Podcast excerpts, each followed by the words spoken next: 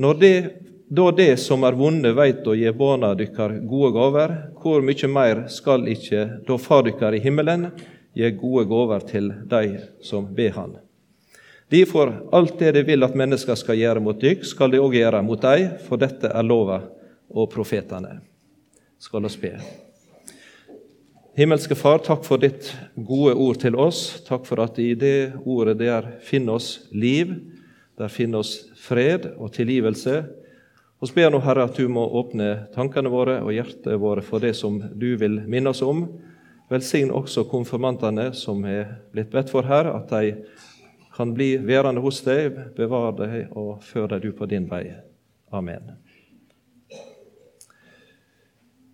Ja, Nå har vi akkurat uh, hørt uh, noe, og dette ordet om uh, konfirmasjon, som betyr å bekrefte. Så Det er altså en dag der en offentlig og framfor andre skal få bekrefte dåpsløftet og det å høre Jesus til. Nå har vi fått noen ord på denne konfirmasjonsdagen som er veldig korte og lette å huske. Eh, og Det er kanskje et godt råd som en har, at eh, det går an å prøve å lære eh, ordet fra Bibelen utenat. Og slike korte ord som det går an å huske også, som en kan ha med seg på veien. For meg så er konfirmasjonstida og konfirmasjonsåret noe helt spesielt i, i mitt liv. Og Derfor så får jeg litt sånn jeg vet ikke om de, de kaller det déjà vu. altså Du får en, en, et minne om det som var, eh, og gjenopplever det på et vis. og Det eh, skjer hver gang jeg begynner å tenke på konfirmasjon. Eh, for min del så var konfirmasjonsåret det vanskeligste året jeg har hatt mitt i liv, tror jeg. Pga. ulike forhold i familie og, og omgivelser. Samtidig så var det det beste året jeg har hatt i mitt liv, tror jeg. Fordi eh, Da fikk jeg på nytt eh, bekjenne at jeg hørte, ville høre Jesus til. Eh, slik at det ble starten på mitt kristeliv. Selv om jeg hadde vokst opp med ei mor som var kristen, og som leste fra barnebibelen til oss og lærte oss å be, så var det en del år som jeg tulla meg vekk fra det og ikke sa at jeg hørte Jesus til. Men når jeg ble konfirmant det året der, så kom jeg tilbake. Møtte Jesus på nytt. Eh, en eh, dansk prest han eh, snakka om ungdomstida, og det gjelder også når en er konfirmant, at ungdomstida vår er livets festligste og farligste tid. Og denne, han Presten, Skogås Pettersen, han, han, beskriver altså ungdomstida som en veldig festlig tid. og Det er for det akkurat som våren som vi ser omkring oss. Da, da livner en til og, og, og, blir voksen, og alt liksom våkner igjen. Eh, men det er samtidig ei eh, tid som er farlig, fordi eh, det blir gjort mange store valg. Og de fleste av de som tror på Jesus gjennom livet, de møter han faktisk omtrent på den tida da dere gjør det, når en er konfirmant. Jeg snakket med en prest sør hos oss på Jæren. Han sa det at egentlig så er det litt for seint, for de store valg i tida og i livet de blir nå tatt som regel når en er omkring tolv år litt tidligere enn faktisk det dere er når dere er konfirmant. Så de store valg blir tatt, som vil ofte bestemme mye av livet framover. Eh, og når jeg ser tilbake på min egen tid, selv om det nå begynner å bli en god del tiår siden, så vet jeg at den tida som jeg, jeg var både ungdomstida og konfirmanttida, det var ei tid med mye leiting, mange spørsmål, mye lengting og, og mye, mange forvirra ting som en prøvde å finne ut av i livet, eh, som en ikke helt klarte å få til. Eh, og Samtidig så var det altså dette beste året mitt. Og Nå vil jeg gi dere ut fra bibelteksten eh, noe kan en kalle det lærdommer, eller ting som er viktige å holde fast på. Og Der sier Jesus altså til oss i bibelteksten Be, så skal de få. Leit, så skal de finne. Bank på, så, skal, så skal det lates opp for dykk. Nå virker dette veldig enkelt sagt, eh, og nå er Jesus en veldig god pedagog. slik at i hans undervisning, og Dette er fra bergpreika, som han hadde da på nordsida av Genesaretsjøen. Eh, så eh, sa han det på en slik måte at folk tok det med hjem og huska det. Og så vet at i det, praktiske liv så er livet ikke alltid like enkelt. og Det er ikke så lett å få til liksom en sånn mattestykke som går opp i en enkel fasit. Men Jesus gir deg noen knagger og noen faste punkt som du skal få ta med deg hverdagen. Og Det første som jeg vil ta med som en lærdom ut fra det som Jesus sier, det er dette, og dette er veldig viktig. Du vil ikke finne det du leter etter, inni deg sjøl. I dine egne tanker og ideer og i ditt eget liv. Der er det mange som eh, gjør grove bommerter og skikkelig feil valg. De prøver å lete etter svar og prøver å lete etter mening og prøver å lete etter det gode. Og så ser de inn i seg sjøl og sin egen innsats, det som de kan klare å få til. Og Det kan være ulikt, og det kan være forskjellig. Og nå vet Dere dere er midt i skolealder, mange av dere. og dere vet at eh, Du kan prøve å gjøre så godt du kan, og så er ikke læreren fornøyd. Så ble det en, en, en dårligere karakter enn du hadde håpet på. Og så Av og til så er det slik at eh, noen de er gode, og noen de er, gjør det dårlig og, og, og, ikke får til så mye, føler de. Så det er helt ulikt, og det vil variere veldig. Hvis du leter etter sannheten og etter, etter det som er noe å holde på og bygge på i deg sjøl, så vil du møte noe som ikke er godt. Du vil møte det vonde. Du vil møte din egoisme. Mange har prøvd på dette opp gjennom livet.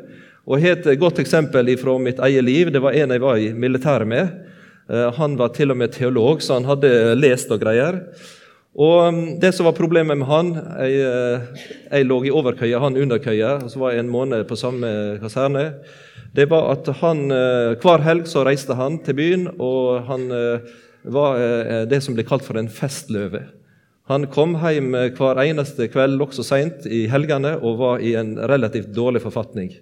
Eh, med, med, tanke på at han hadde drukket seg sørpefull. Og når han kom på kaserna og fortalte om hva han hadde gjort, i tillegg til det, så var det snakk om mange damer, ulike damer. Og han var teolog. Eh, det ble litt samtale om det på rommet når det gjaldt dette her. Hvordan kunne dette henge sammen? Og Da kom denne mannen som eh, Han var litt eldre enn dere som konfirmanter, da, men han sa det slik. For meg så er Bibelen ikke rettesnor og ikke den som jeg hører på, verken når det gjelder trua mi, eller når det gjelder livet mitt, sa teologen. Et ganske voldsomt uh, utsagn. Og, uh, og, så måtte han spørre, og så ble det debatt på rommet der. ja, men Hvis du sier det, hva, hva har du da som styrer deg, og hva har du da å bygge på? Og hva har du da å holde deg til? Uh, og Det er klart at det ble litt sånn opphissa debatt der, og sånn, men jeg kan ennå huske at det han gjorde, han gjorde sånn. Han slo seg på brystet og så sa han, her inne her finner jeg svaret, sa han. Her finner jeg det som er rett for meg, og det som jeg føler godt for meg. Det er det rette, sa mannen. Og oss som var litt tett på han da, iallfall en liten måned, syntes ikke det gikk så veldig godt med tanke på det. Han hadde store, store problemer med tanke på sitt eget liv og med tanke på de valg han gjorde. Han ville bygge på seg sjøl og sin, sitt eget hjerte og sin egen samvittighet, og så spora det av. Uh, nå er det Bibelen er skriver ganske mye om dette, og Det nye testamentet skriver en hel del om dette. og Paulus han nevner på det. De som prøver å bygge på seg sjøl og bygge på sitt eget og det en finner seg sjøl, de blir kalt for sjølrettferdige. De vil bygge sin rettferdighet og, og sin, sin, sin, fundament på sin eget, egen kraft. I Afrika så brukte de et ord som var populært. Det heter self-reliance. Og Det kan være veldig godt når det gjelder utvikling og jordbruk, og sånne ting, og, stole på seg sjøl, men når det gjelder forholdet til Gud, så er det, det fullstendig katastrofe. Sjølrettferdighet. Og Fra tekstene som var på denne søndagen, så er det ei, ei bønn. Og Det er skrevet, det er fra en som heter Daniel, som var tatt til fange og ført bort i hop med folket sitt. Og så I, i Daniels bok så er det ei slik bønn, og den vil du oppleve opplever når, hvis du hører den, at den er helt motsatt. I stedet for å liksom vifte med flagg at jeg er jøde, og jeg er av rikfolk, og jeg er en åndelig mann, og jeg har mitt, så vil du høre at når Daniel ber og du vet, Hvis du leser den boka, så ber han så ofte, og han, han lever i bønn. og så til og med slik, så ba han slik at han, han ble kasta i, i ovnen for det. Han holdt på, og Kongen skulle ta, gjøre ende på han, pga. at han ville samtale med Gud. Så Hvis du leser denne bønnen fra Daniel kapittel 9, så skal du legge merke til at i motsatt av det å bygge på seg sjøl og sin egen tru og alt det være i sitt eget hjerte, så ber Daniel på en annen måte. Han sier har en annen grunn. Da skal vi høre den. Han ber slik. Hør nå, vår Gud, på bønna og de audmjuke ønsker og tjeneren din. Lat åsynet ditt lyse over den øyelagde heiladommen din, for di eier skyld, Herre. Min Gud, vend øyra ditt hit og hør. Åpne øynene dine og se ruinene våre og byen som er nevnt med ditt navn. Det er ikke våre egen rettferdige gjerninger vi legger til grunn for de øymyke bønnene våre, som vi ber fram for åsynet ditt, men de store miskunn. Herre, hør. Herre, tilgjev. Herre, gjev akt og gjør det. Dryg ikke for de eier skyld, min Gud, for byen din og folket ditt er kalla på ditt navn. Her lærer oss noe veldig viktig av den gamle Daniel. At når en kommer framfor Gud og leter etter et plass å bygge på, en plass å være, og etter skatten som eh, oss hørte om, så er det ikke i oss sjøl, og det er ikke for våre egne rettferdige gjerninger sin grunn. Nei, det er din miskunn, Herre, og din nåde. Det er deg alene.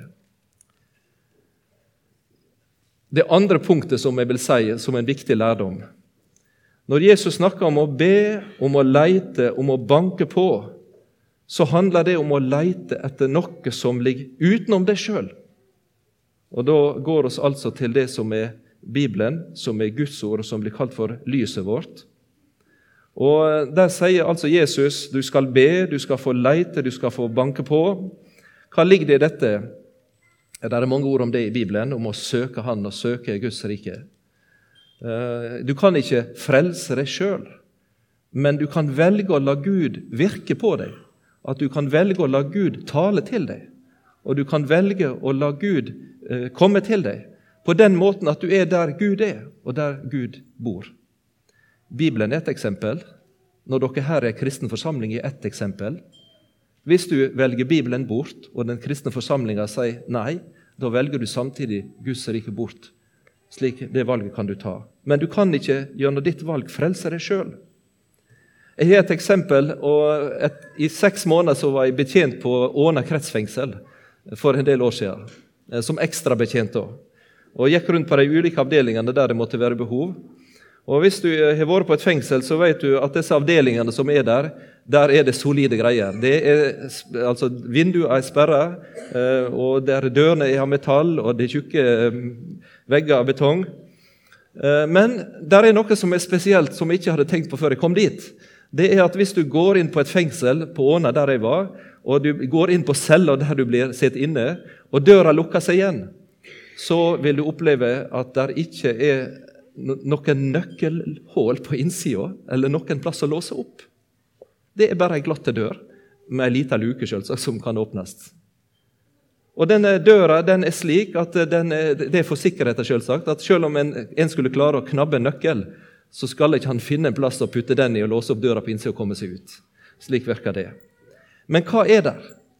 Ja, På sida av denne grønne metalldøra på fengselet på Åna så var det en liten knapp og den var også grønn. da. De sier grønn er en beroligende farge. ikke sant? Det er sikkert derfor de har valgt det. at det skal liksom ikke, Hvis han hadde vært ildrød, så kanskje det har blitt litt mer sånn eh, Det er alltid sånne ting som er grønne, de er for å roe ned. Men der var det en grønn knapp. og Hvis noen da skulle ha behov for noe, eller hadde et problem, eller ikke var frisk, eller noe, selv om en var innelåst, så kunne en altså trykke på knappen ved døra, og så plinga bjella på vaktrommet. Og Så kom vakten, og han hadde nøkkel fra, fra utsida. Så hendte det at han sjekka, enten åpna luka, eller så klikka han opp døra, åpna og spurte hva er problemet. Han fikk hjelp og fikk kontakt. Som kristen så har en en slik eh, hva skal si, knapp. Og Det er det Jesus sier når det gjelder dette å be og leite og banke på. Og Den eh, finner du også nevnt i Johannes kapittelet, vers 16. Der sier Jesus noe om hvordan denne innretninga eller knappen er laga til den er knytta til Jesu navnet.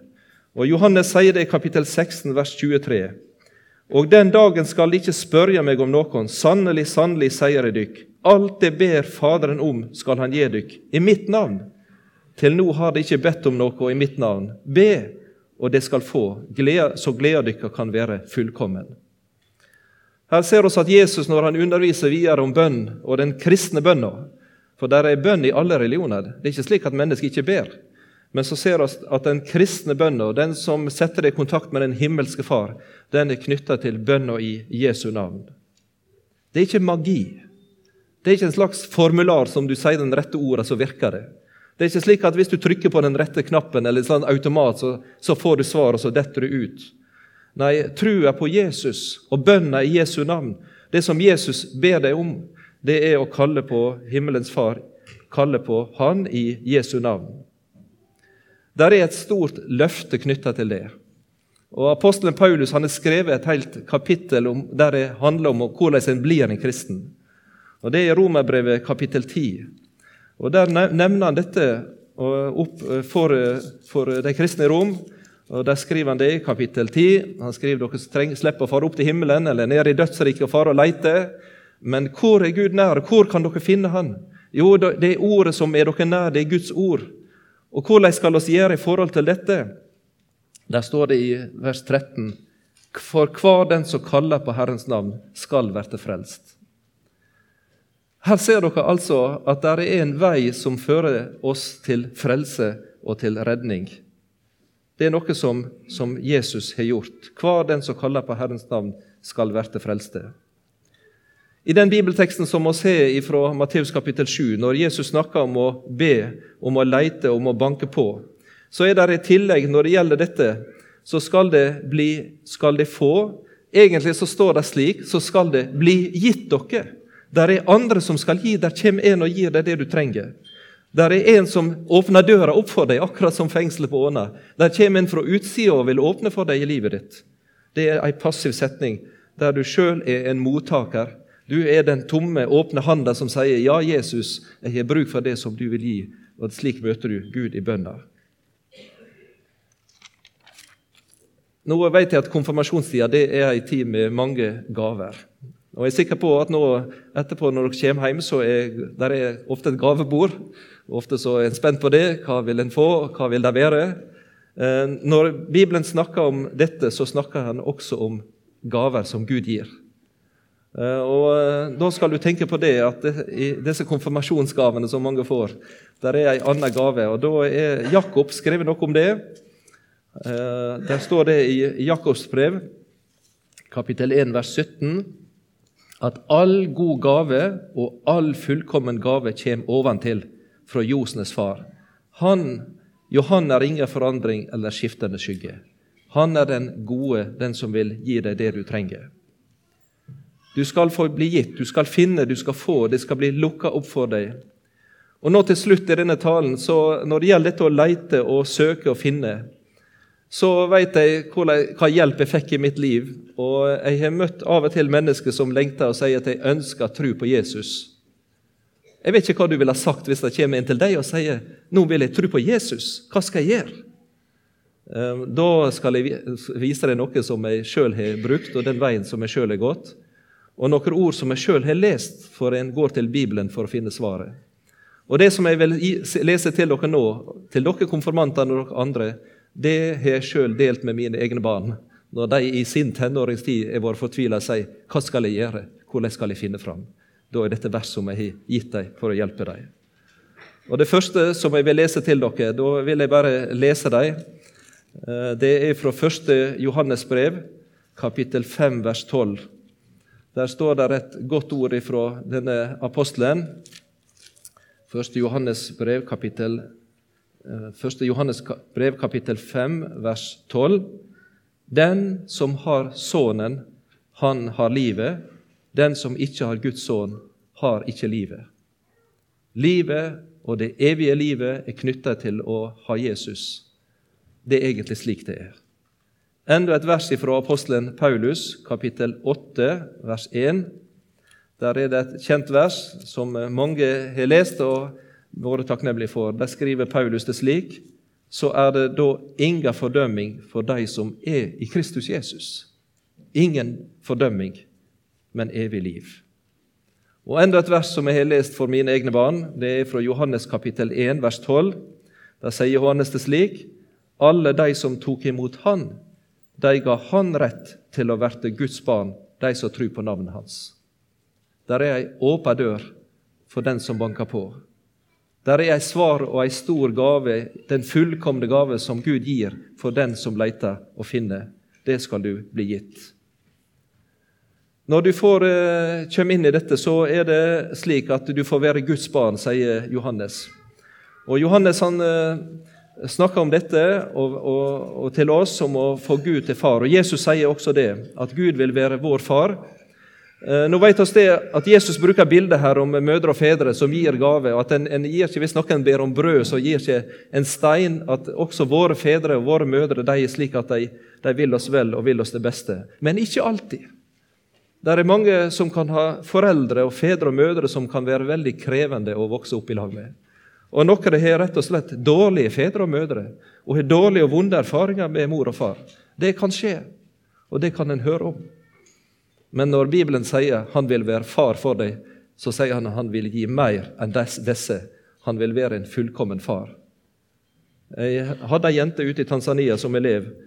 Hun hadde en far som var en mishandler, og hun ble kristen når hun var i konfirmasjonsalderen. Hun var 14 år. Og Så gikk hun på skolen, og så ønsket hun å bli døpt. Og Far han sa, hun kom hjem og sa nei, det er helt uaktuelt. Men dere vet hvordan jentene er når de er 14-15 år og kommer til far og ber om noe. og, og Da gir ikke de så lett. Så hun jenta her det var ei fin jente med rundt ansikt, ei blid ei. Hun gikk til far sin og så sa hun, 'Far, far, kan ikke jeg få lov å gå på dåpskurs og bli døpt og bli kristen?' Og Hun blinka og smilte, og du vet, jentene ikke sant, de gjør det. Men far han gjorde seg knallhard og sa det er helt uaktuelt. Vi tilhører medisinmann-klanen Bayo, som er vår, oss er vår, den som skal ha tradisjon og føre dette videre. Og så bygde han ei hytte for jenta si like ved. Og Hun skjønte ikke det, men hun fortalte dette. Når den lille hytta var ferdig og døra var satt i, så kom han og tok tenåringsjenta si i hånda, og så satte han henne inn og lukka døra igjen. Denne jenta ble sittende innelåst ett år uten å slippe ut. Og det var far som hadde bygd fengselet. Og fikk mat, mat og vann, selvsagt. Jeg vet ikke, når dere tenåringer her, Hvis du blir sittende innelåst på rommet ditt et år, om du hadde syntes det var gildt. Det tror jeg ikke. Og det gjorde ikke hun her heller. Men det hun opplevde, var at hun var ikke alene. Hun hadde en med seg som hun ba til, og som hun lengta etter, og det var Jesus. Da ett år var omme, så kom faren og åpna døra. Og så sa han til henne, han hadde ett spørsmål. Vil du fortsatt bli døpt og tro på Jesus? Og så sa jenta, ja, far, hvis jeg får lov av deg. Da knakk han i hop. Og så gikk hun til dåpsundervisning og ble døpt. Og så kom hun til bibelskolen like etterpå som elev. Gikk der i tre år. Da hun ble døpt, så valgte hun et nytt navn og sa jeg skal hete Pauline etter Paulus. Fordi han visste også hva det var å bli satt inne, fengsla for Jesu navn. Det som jeg gjorde til denne jenta, jeg spurte er du sint på far din? Eh, det har jeg spurt henne om flere ganger. Hun var elev i tre år. Er du bitter på det som far din gjorde mot deg? Men hver gang jeg spurte om det, så sa hun det. Det som er skjedd, er at jeg har fått en far i himmelen som er den perfekte, fullkomne far.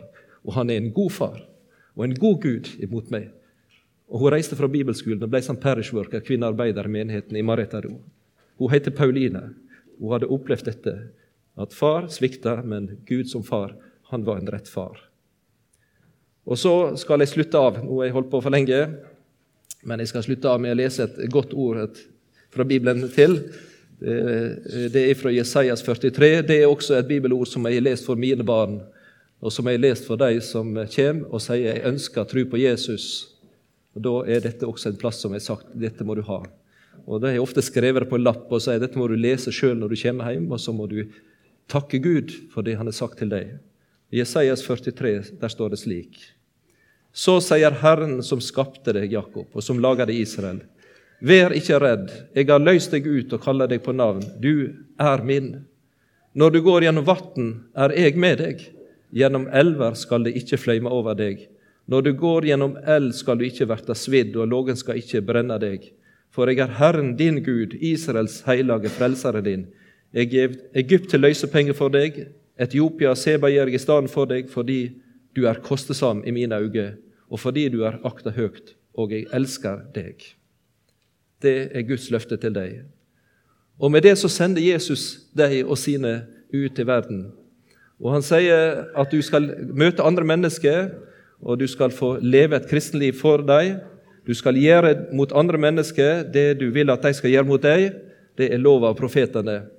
Og Da er det ei bønn som er veldig fin til slutt. Den er slik.: Herre, velsign du meg, og gjør du meg til ei velsigning for andre. Det er det du skal få leve for å følge Jesus. Og bringe velsignelsen, dvs. Si den Jesus du har fått med, til andre, til alle folkeslag, i misjonsarbeid, i arbeid, i heimen, der du er, på skolen, blant venner, gjennom ord og livet du får leve for Han.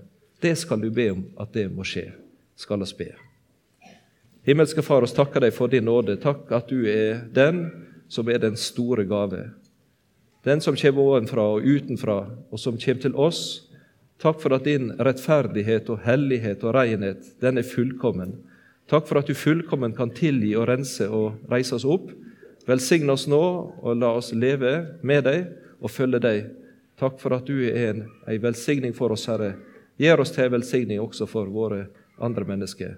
Amen.